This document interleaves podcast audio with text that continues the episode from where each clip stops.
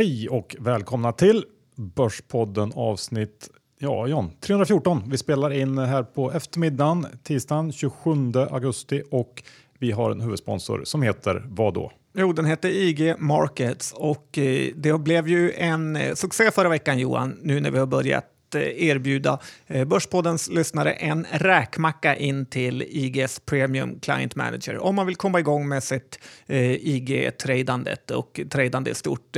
Jag tycker man verkligen ska passa på och mejla oss på vilken adress Johan? Ja, Bordspodden gmail.com så fixar vi en liten VIP-ingång till IG och deras härliga tjänster. Ja, du får en person att prata med direkt och kan fråga eh, en och annan sak. Så gör det. Börspodden gmail.com. Yes. Vi är också sponsrade av elektronisksignering.se och Ja, vi pratade om det här förra veckan. Det här är en eh, väldigt smidig tjänst för att enkelt signera avtal. Det går eh, blixtsnabbt, kostar ingenting, det är säkert och enkelt och eh, ja, det är även en EU-godkänd signatur. Och det kan ju till exempel vara så att man eh, har ett avtal som man ska skicka någon på mejlen eh, och då behöver personen i fråga skriva ut, eh, skriva på och scanna och det är ju inte så många som har alla de här apparaterna hemma eh, idag, eller hur John? Nej, och det är helt värdelöst och sen behöva fota av på ett taffligt foto i skugga och sen skicka in. Mycket, mycket bättre att använda den här tjänsten. Ja, då signerar man helt enkelt elektroniskt och kan sen skicka tillbaka den signerade pdfen istället. Och det här är då gratis för eh, privatpersoner. Man behöver inte registrera sig eller någonting. Man går bara in på elektronisksignering.se och eh, det här är då den kostnadsfria tjänsten om man har en eh, företag och vill använda företagstjänsten som har lite fler smarta funktioner, då eh, har vi ett erbjudande för Börspoddens lyssnare och det är halva priset på företagsabonnemanget i tre månader. Hälsa bara från Börspodden när du blir kund så fixar de det. Elektronisk signering.se. Idag John, vad pratar vi om? Nej, idag är det en hel del. Det har varit flygbolagsrapporter, det har varit eh, elektronikrapporter och eh, sen har jag även hittat några andra spännande bolag faktiskt. Och det är placingar. Nej, det händer faktiskt väldigt mycket. Det känns att hösten har kommit igång. Har du något eh, kul att prata om? Ja, massor, men jag tänker inte berätta om det här nu. Oj, oj, oj, vilken cliffhanger! Ja, så är det.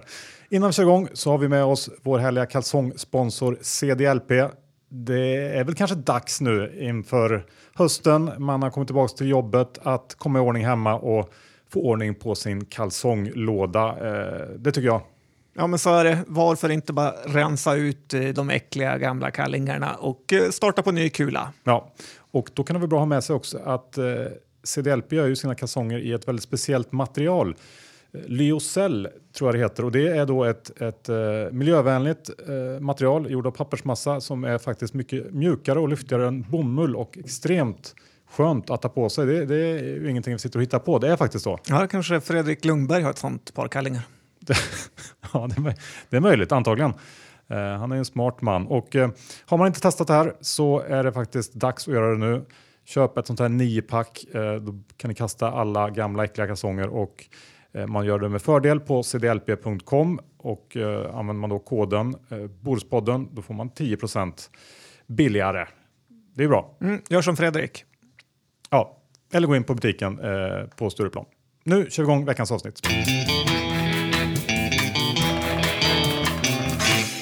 Johan, Dr. Bass Isaksson, index 1527. Eh, det händer mycket, men index, eh, eh, och det rör sig också mycket. Men vi är lite kvar ändå på samma ställe som vi var förra veckan.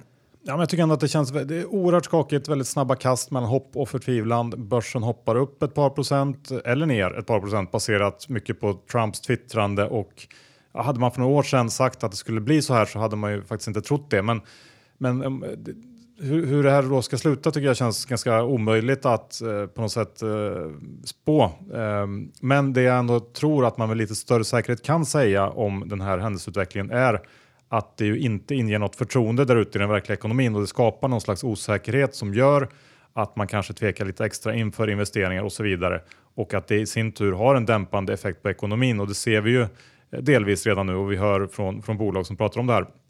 Senast eh, här i veckan så kommer ju arbetslöshetssiffror också från Sverige som visar att det, det ganska snabbt ändå försämras nu. Utfallet i juli var ju betydligt sämre än väntat och eh, det mesta pekar väl på att den här trenden kommer att fortsätta i höst.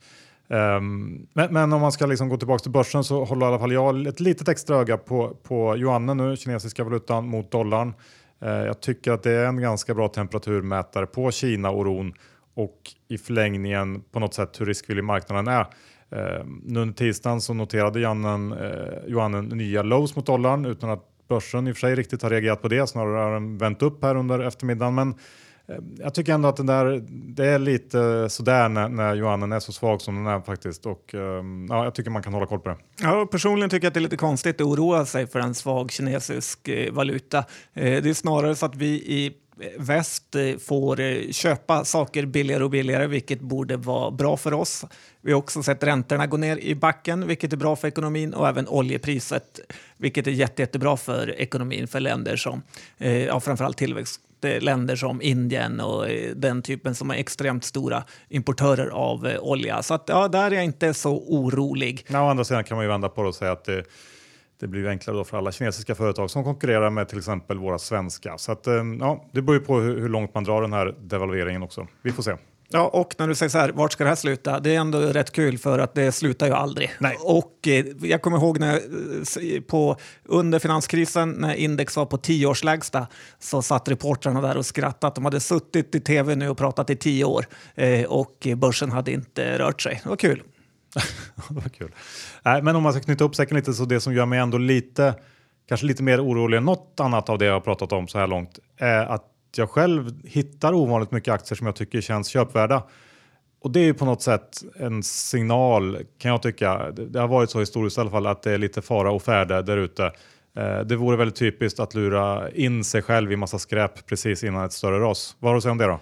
Nej, men jag håller helt eh, med om det och det finns ju inget som gör att man hatar sig själv så mycket som investerare än när man är eh, negativ till börsen men lyckas ändå köpa på sig ett stort antal bolag som sen kommer kosta en eh, mycket. Och framförallt du Johan som varit negativ nu sen i princip eh, from the end of time, ja, ja. Att, eh, mm. att du nu börjar hitta case. Det skulle kunna vara en eh, ja, toppkänning. Eller så är du bara eh, kommit tillbaka i gammal god form. Du har haft väldigt god form sista tiden. Så att, ja, jag tror nästan att det lutar mer åt det hållet. Ja, man måste ju kunna ändra sig också på något sätt. Mm, precis. Ja. Men eh, vi går över till G7-mötet som eh, nyligen gick av stapeln. Ja, och det är ju politikerna här som är och snackar och eh, en av sakerna som man var väldigt stolt över var att man ska ge eh, 200 miljoner kronor till släckningsarbetet i Amazonas. Och det är ju så otroligt lite pengar. Eh, 200 miljoner kronor är ju lite vad det kostar att bygga eh, entréhallen på Nya Karolinska. Så att jag tycker det är helt rätt av Brasilien att tacka nej till det här. Eh, det man också ska komma ihåg att bygga sina aktieköp och försäljningar på den här typen av eh, event som G7, OPEC, Ingves eller något annat Eh, Eh, Jackson Hole. Det är bara löjligt och det är hundra gånger viktigare att man väljer rätt bolag eh, än att bry sig om det här. Ja, så är det ju faktiskt. Och något som också är viktigt är ju att ha de här datasnurrorna med sig. Ja, faktiskt. Och eh, det har ju, svenska börsen har ju tyvärr blivit mer som amerikanska börserna, att den eh, totalt styrs av eh, framförallt London, bankernas datasnurror. Och eh, värt att tänka på du, som eh, du och jag Johan, som är lite som Matrix-ubåten, eh, är ju att de här snurrorna är ju väldigt, väldigt trendföljande. Och vad hämtar de här då datorerna sina tradingidéer ifrån? Och jag får en känsla faktiskt att Eh, Eh, de härjar framförallt i bolag där analytikerna höjer eller sänker sina prognoser. Och det här triggar då datasnurrorna till att dagligen ligga och pumpa eh, antingen köpordrar om eh, prognoserna stiger eller på sälj om eh, prognoserna sänks. Då. Tittar vi då på till exempel Research här Eh, så har ju den bara stormat vidare nästan varje dag sedan rapporten kom. Och eh, tidigare var det ett starkt eh, säljflöde som låg i Research i och med att den hade fått lite sänkningar av analytiker. Och det har ju helt vänt. Tittar man då i Mekonomen eh, har ju datorerna också där. Vi har ju pratat om att de har sänkt sina prognoser, många analytiker, och där har ju eh, de inför den här rapporten då bara vräkt ut aktier varje dag. Eh, sen kom rapporten, höjda prognoser och då ligger de och köper istället. Så att eh, en sektor jag kan tänka mig har också blivit drabbad av det här är ju spelsektorn.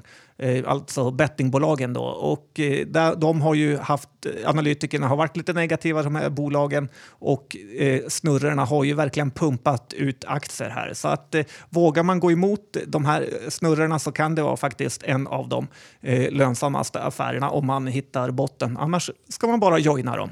Ja, men jag, jag tror att du har någonting på spåren där. Jag har också tänkt på det här på slutet faktiskt. Dels i Clas Olsson som Eh, du är ganska tunn, inte så mycket likviditet och krävs inte så mycket för att driva den här aktien eh, ett antal procent upp och ner. Och eh, man, man noterar efter de senaste försäljningssiffrorna som ju var lite bättre än väntat. Det hände inte så mycket på någon vecka. Det var först förra veckan egentligen som aktien började komma upp lite grann och det känns som att det kan ha varit då som som analytikerna hade penslat ner sina estimatförändringar och, och att de kom ut i, i, databaser och liknande där de här plockar upp siffrorna. Jag vet inte. Och när det gäller Kambis fall också tänkte jag på, som ju också är hyfsat datahandlad, så kan jag tänka mig att, att uh, de estimatjusteringar man gjorde, har gjort här efter de senaste avtalen kanske ligger lite för långt fram i tiden för att de ska liksom riktigt triggas av, av algosarna. Jag vet inte, men det skulle kunna vara en förklaring. Ja, det är spännande i alla fall och eh, om inte annat så har man alltid någon att skylla på. Ja, det är det bästa nästan. Eh, småspararna vad har vi att säga om dem? Jo, men det är ju så att eh, jag tycker en ganska bra indikation hur hypat något är, är ju att se hur många aktieägare eh, det här bolaget har. Eh, förhoppningsbolagen brukar ju ha väldigt många eh, aktieägare och eh, tittar jag här på eh, Minesto så hade de nästan 12 000 aktieägare och det här är ju en riktig pengabränningsmaskin faktiskt. Och, Eh, sydkoreanska Gravity har ju 1200 aktieägare. Kan inte tänka mig många andra sydkoreanska bolag, Johan, som har 1200 avansianer som är ägare faktiskt. Nej. Så det är imponerande vad alla de här personerna kan eller tror sig veta. Så jag väl lite med ironi där. Eh, dock en aktie, Johan, som har nästan 30 000 avansianer som ägare är ju Fingerprint. Och jag hörde ett rykte eh, Eh, här på stan om, och som jag tror är det som driver kursen just nu, för den har ju gått upp en hel del sista tiden. Eh, och det är personer som är kunniga och eh, såklart förmodligen pratar lite egen bok, har ju granskat den här Samsungs senaste telefon och säger att det bara är Fingerprints-prylar i den.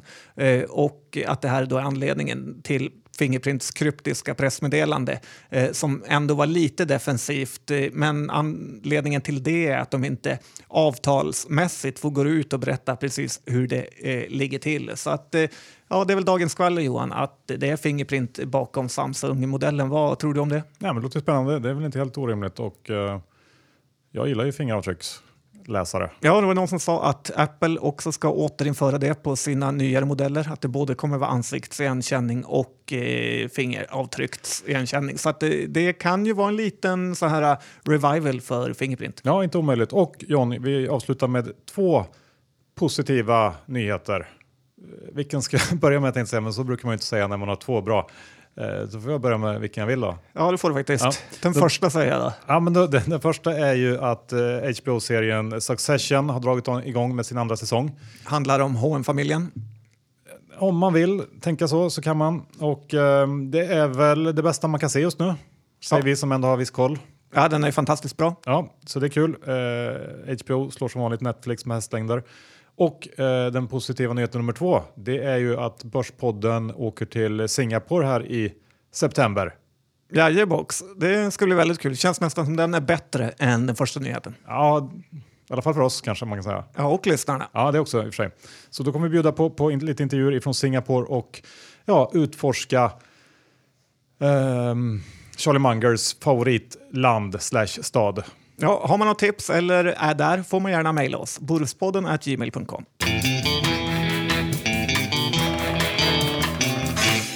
Vi är denna vecka sponsrade av Lendify och Lendify eh, har ju faktiskt möjliggjort för alla oss sparare att eh, börja med autogiro och det är ju ett väldigt eh, smidigt sätt för att eh, månadsspara, eller hur John? Ja, pay yourself first är ju en av grundreglerna i den här, i den här FIRE-rörelsen och eh, det kan man ju verkligen göra med autogiro. Ja, så att eh, genom att månadsspara hos Lendify så bygger man då enkelt upp sin portfölj och får en stabil avkastning. Eh, nu har Lendify en inbjudningskampanj där befintliga investerare kan bjuda in sina kompisar, vänner eh, för att skapa ett konto och den som bjuder in en vän som registrerar sig eh, och investerar före den 4 september, eh, minst 20 000 kronor ska investeras, får en bonus på 1000 kronor och eh, den som blir inbjuden får en bonus på 500 kronor. Så att, eh, tycker jag att ni kan passa på att bjuda in era kompisar. Eh, vill ni använda vår inbjudningslänk så använder ni lendify.se snedstreck Borspodden. Ja, det är bara att göra det för alla behöver fler kassaflöden.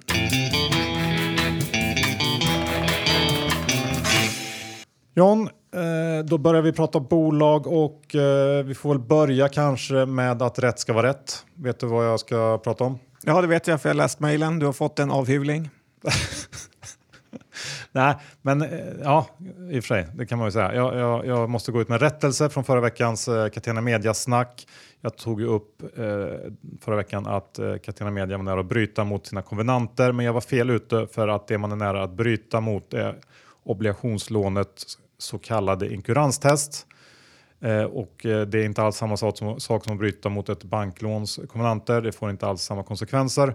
Um, i det här fallet så skulle ett brott mot det här så kallade inkuranstestet eh, inte innebära någonting alls egentligen, eh, mer än att man inte får ta upp några nya lån. Men tydligen så går det även ändå under de här omständigheterna att använda ett revol revolverande lån som Catena Media har. Så att, jag tog ut lite för mycket för snabbt där och det får vi helt enkelt rätta. Ja, men det är lite stort av det tycker jag. Tidningarna brukar smyga undan en sån där rättelse, men det är positiva nyheter för investerarna i Catena Media får man ju säga och det bör ju de få veta. Ja, och jag hoppas att jag fick det här rätt den här gången. Annars så får ju Catena Media eh, gärna höra av sig igen till Börspodden. Vi tar så gärna emot feedback. Ja, faktiskt. Ja. Um, så, och när vi ändå är inne på, på eh, betting så kan vi ju ta upp eh, förra veckans nyhet eh, från Kambi att de, eh, att de förlänger och utökar sitt avtal med DraftKings. Eh, ändå ett, ett rejält avtal. Eh, det är åtta nya del, delstater och med det här avtalet signat så känns ju ryktena om att DraftKings skulle vara på väg bort genom då ett förvärv av konkurrenten SBTech som väldigt, väldigt osannolika.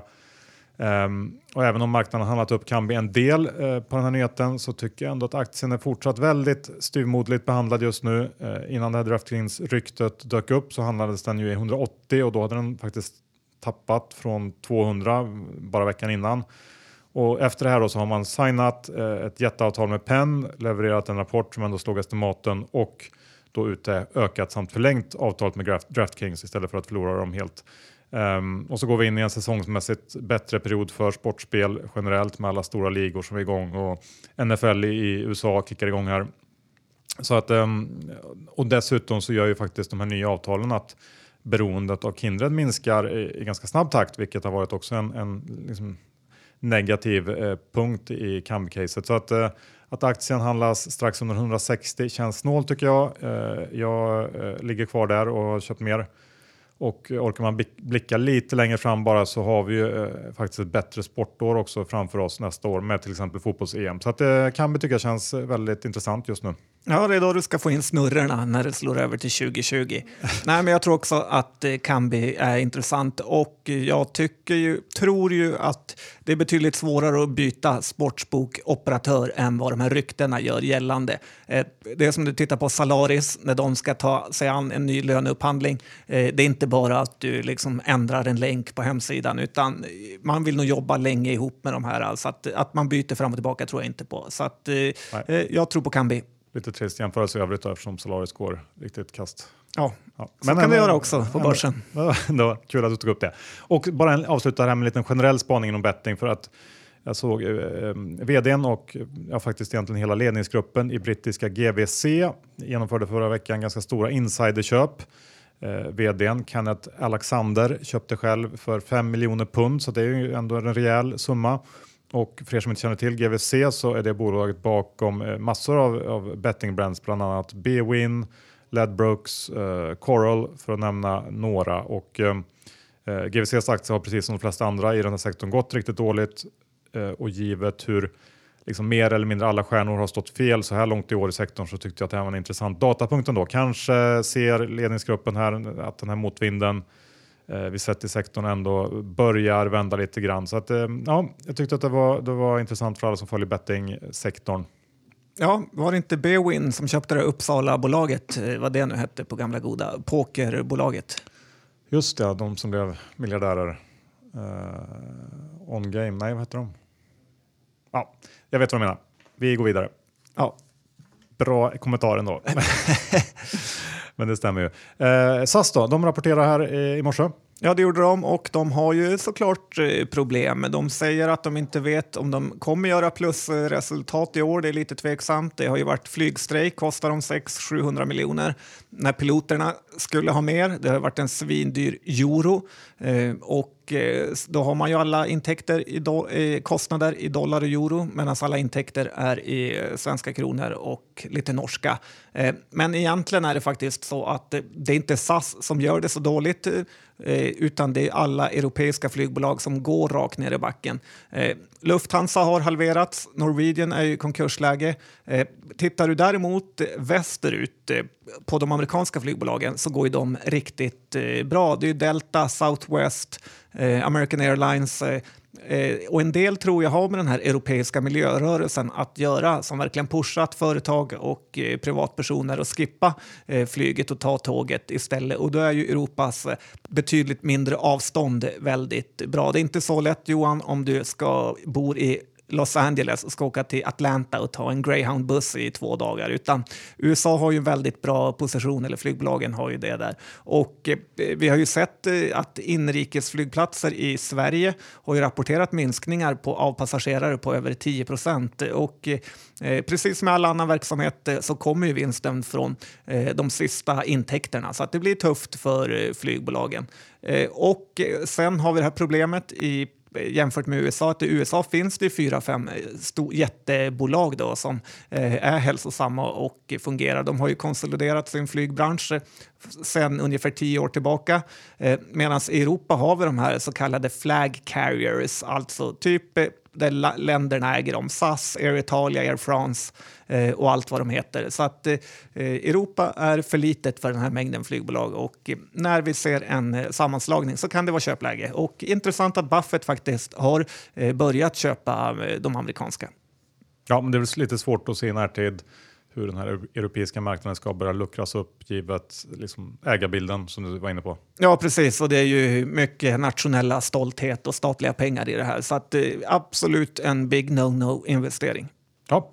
Eh, eh, vi fortsätter på temat bolag som rapporterar idag då, på tisdagen och Balco är ju ett sådant. Ett litet favoritcase för dig. Du har varit inne på det här. Eh, en av de som faktiskt var tidig på det här, måste jag säga. Det var snyggt. Ja, var det jag som upptäckte det här caset, Johan? Ja, vi kan säga det. Okej, okay, tack. Och Eh, det som är intressant med Balco, som gjorde en jättefin rapport här, är ju faktiskt att det känns som att bostadsmarknaden eh, gör en comeback. Eh, det talas om lågkonjak som är på väg att komma in i världen här, totalt sett. Men bostadsbyggarna, det får man inte glömma bort, har ju faktiskt haft lågkonjunktur i två, tre år nu.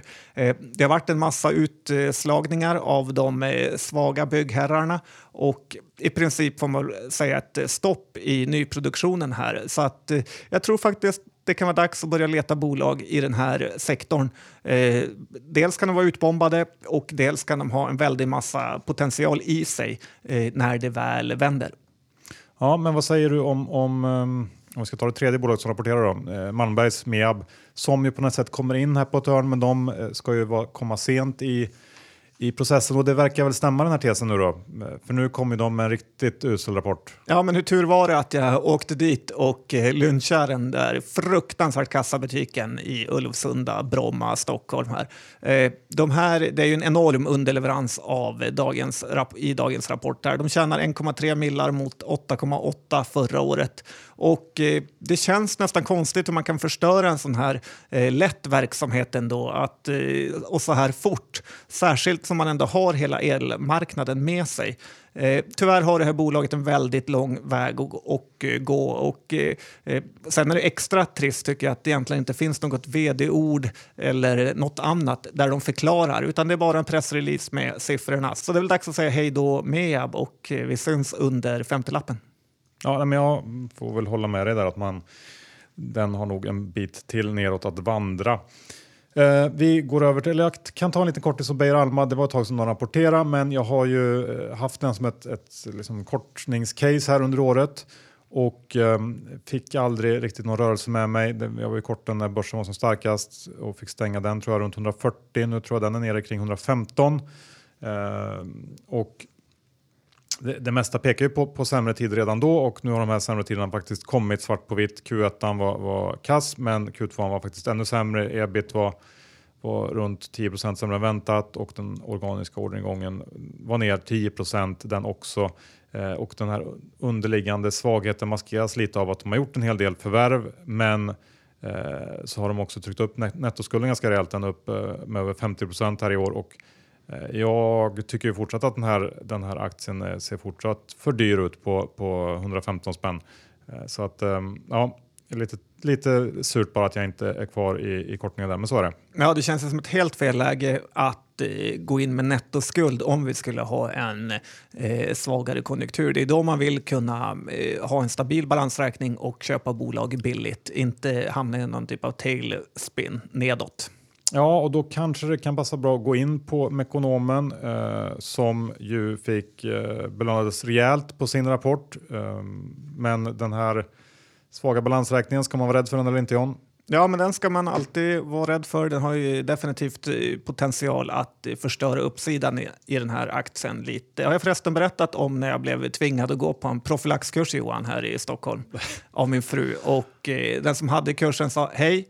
Eh, det kanske alla redan känner igen mig, men det är jag som, jag tar det direkt ändå så att ni inte ska bli chockade. Men det är jag som är Mekonomen Linn. Eh, du vet den här som är med i all reklam. Det var ju lite av en performance artist där kan jag säga, men eh, det blev ju ändå värt pengarna till slut. Eh, eh, men Mekonomrapporten, det är ju inte så bra som det kanske verkar vid en första outlook där det var ju faktiskt att den här svenska delen går ju inte jättebra. Eh, däremot får de väl lite ordning på de här förvärven. Påskeffekten och alla prognossänkningar vi har sett innan eh, hade ju pressat aktien till ett nytt low, så att det är väl det man får jämföra med. Eh, tittar man på p-tal så är ju aktien billig, eh, men problemet är ju som du sa det här megaskuldberget de har med sig på 4 miljarder eh, och med ett börsvärde på 4 miljarder Eh, så är ju det inte så krispigt när man gör en sån här eh, ev-ebit-uträkning. Och eh, samtidigt så vet man att Mekonomen skulle kunna vara ett extremt stabilt och bra bolag med fina kassaflöden och fin utdelning om de bara hade varit lite, lite bättre Tyvärr har ju den här största ägaren LKQ visat att man är ganska dålig som huvudägare och dessutom så går de ju riktigt dåligt i USA. Eh, eh aktien är inte långt ifrån sina lows där så att eh, det gör det också mindre troligt att de bara ska köpa av Mekonomen så där eh, rakt av. Så att nej, jag tror aktien ska nog hålla sig under eh, 80-lappen men kanske eh, ja, över 70-lappen så att den handlas bra där den gör just nu. Men ändå, man får ändå inflika och säga att det ändå var skönt eh, för dem att de här förvärven men ändå presterade på något sätt eh, i rätt riktning så att inte man ser någon slags ny jättehärva eh, i de delarna ändå.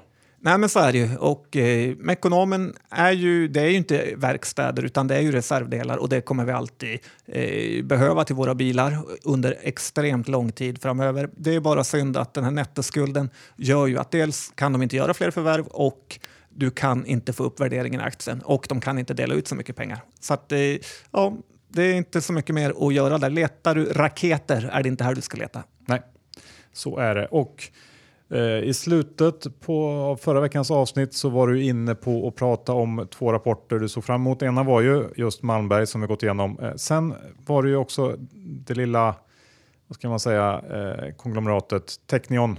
Ja, Johan Stenad är hans namn, kan man väl säga lite elakt. Det, det var ju någon som sa till mig att eh, Technion eh, har lyckats bli nya Midway på ett eh, kvartal och det känns ju ännu elakare faktiskt. Men det är väl lite som marknaden ser på Technion nu. Det är ju så att Johan Stene här, som är vd och lite profilen för det här bolaget, fick ju en megakaststart eh, när, på den här rapportkarriären eftersom bolaget är helt nytt på börsen där de fick vinstvarna direkt. Det var en stor eh, vinstvarning med, med eh, att de får ett sämre ebita på 20-30 procent och en annan till negativ grej är ju att det tog nästan två månader att komma fram till det, alltså efter kvartalet eh, stängde här. Så att eh, eh mycket negativa grejer och det är ju ett problem med halvårsrapporter. Nu får man ju vänta ett halvår till. Det blir lite blackbox-känsla. Det var, var väl precis det du var inne på förra veckan. Att, eh, I och för sig kanske du, min känsla var att du tänkte att det kunde bli en okej rapport givet förutsättningarna. Men Ja, man trodde inte att de skulle vinstvarna kvällen in efter vi hade sänt avsnittet faktiskt. Nej. Eh, men till det positiva får man väl säga att aktien är ju nu på samma nivå som vid teckningskursen och att många mindre bolag har faktiskt haft det tufft under Q2. Så att eh, det skulle kunna vara ett läge att köpa på sig eh, den här aktien. Samtidigt mycket osäkerhet. Eh, jag vet inte, vad säger du? Nej, men jag tror att eh, det är ju sällan bra att gå ut och på något sätt lova för mycket och underprestera i början. Man får direkt massor av besvikna aktieägare och nu har man ju uppförsbacke så att säga. Så att, eh, att hoppas på någon snabb återhämtning här, det tror jag liksom inte riktigt på. Uh, speciellt när man såg hur illa det faktiskt var. Så, så nej, det kommer ta sin tid att få ordning på det här. Uh, så jag, jag ser ingen anledning att hoppa in här och försöka bottenfiska som det ser ut nu. Nej, det är nog, gör man nog säkrast att låta bli. Ja. Uh, vi går över till Kopparbergs. de har också rapporterat här. Och det som sticker ut lite grann där är väl deras succéartade lansering av sin eh, gin och, och de här gindryckerna som på något sätt verkar kunna kanske bli någonting. Ja, det var inte så att bolaget inte slog på stora trumman för det här utan det sa ju att det hade gått så bra i England att eh, de inte ens hade kunnat lansera den här gindrycken någon annanstans. Och eh, tittar man dock på rapporten, eh, trots alla de här rubrikerna om att det var det bästa kvartalet någonsin, eh, men det berodde ju väldigt mycket på den svaga eh, svenska kronan tyvärr.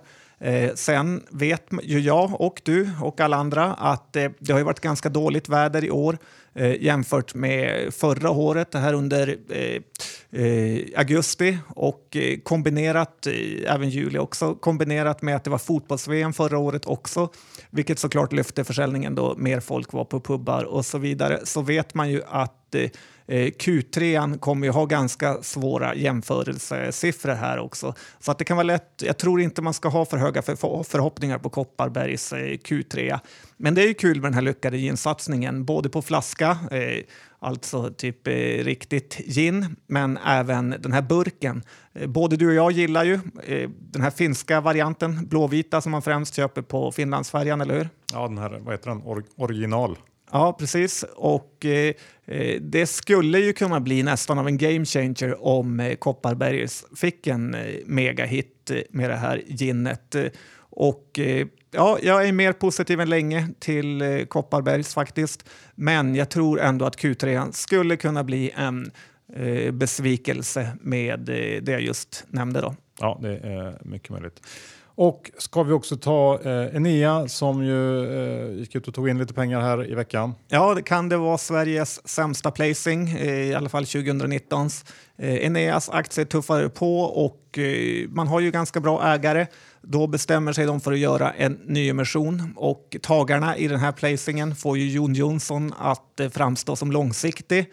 Eh, cirka 10 kronors rabatt var det på eh, placingen Johan och det är rätt mycket för ett bra bolag som Enea. Men eh, om inte det var nog så börjar alla Londonbanker eh, vräka ut aktier långt under eh, teckningskursen. Jag tycker det är dåligt gjort av alla parter i det här gänget att inte eh, investmentbanken kan hitta bättre tagare än så. Eh, lite kul för oss som inte fick köpa i placingen eh, utan kunde köpa billigare över marknaden. Men tyvärr brukar ju sådana här äh, event eh, och lite misslyckade eh, saker göra att det blir en, den så kallade klassiska våta filten över aktien ett tag. Och eh, vi kommer ju alla ihåg senaste gången när jag gjorde en sån här nyemission det var ju en lite katastrof för aktien under kanske ett kvartal då som de fick kämpa med det här. Jag gillar Enea och Eh, jag håller koll på aktien. Inte all in-läge skulle jag säga.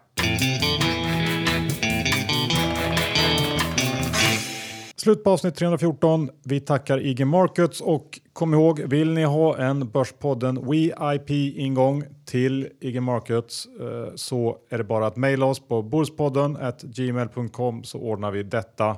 Eh, perfekt om du vill komma igång lite mer aktivt och handla. Ja, eller bara snacka och se hur det fungerar. De hjälper till med allt. Topp class servicenivå. Ja, och missa absolut inte elektronisk signering.se. Det finns som eh, en smidig gratis tjänst. eh, Eh, för privatpersoner och eh, ja, vill man eh, ha de här lite mer smarta funktionerna som företagstjänsten har, då kan man få halva priset för Börspoddens lyssnare för ett företagsabonnemang i tre månader. Så bara hojta till och säga att man kommer från Börspodden. Elektronisk Och John, CDLP, back to work, hösten är här, då behövs det ordning och reda och ett nytt fräscht 9-pack från CDLP. Gå in på cdlp.com eller butiken vid Stureplan. Berätta att du har en kod som heter Bordspodden så får du 10 i rabatt. Mm, hoppas ingen är bakom dig, det kan kännas lite pinsamt. kan du viska. Mm.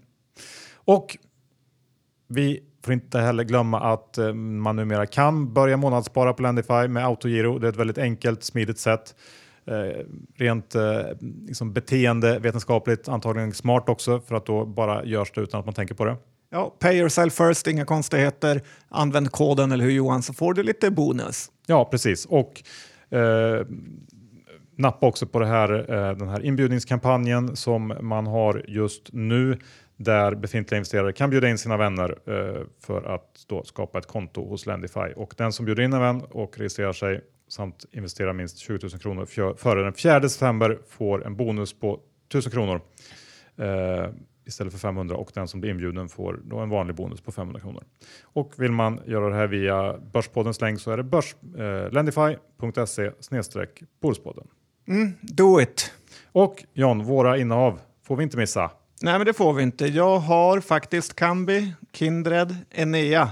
Eh, precis som du sa, man börjar köpa på sig för mycket inför stundande lågkonjak. Eller har vi hittat bra bolag? Eh, Kindred har vi inte pratat om idag. Nej.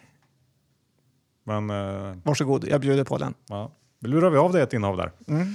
Eh, Kambi eh, har jag. I övrigt tror jag inte att vi var inne på något. Så att eh, vi säger så, tackar för oss och säger vad då John? Ja, vi syns om en vecka. Hej då!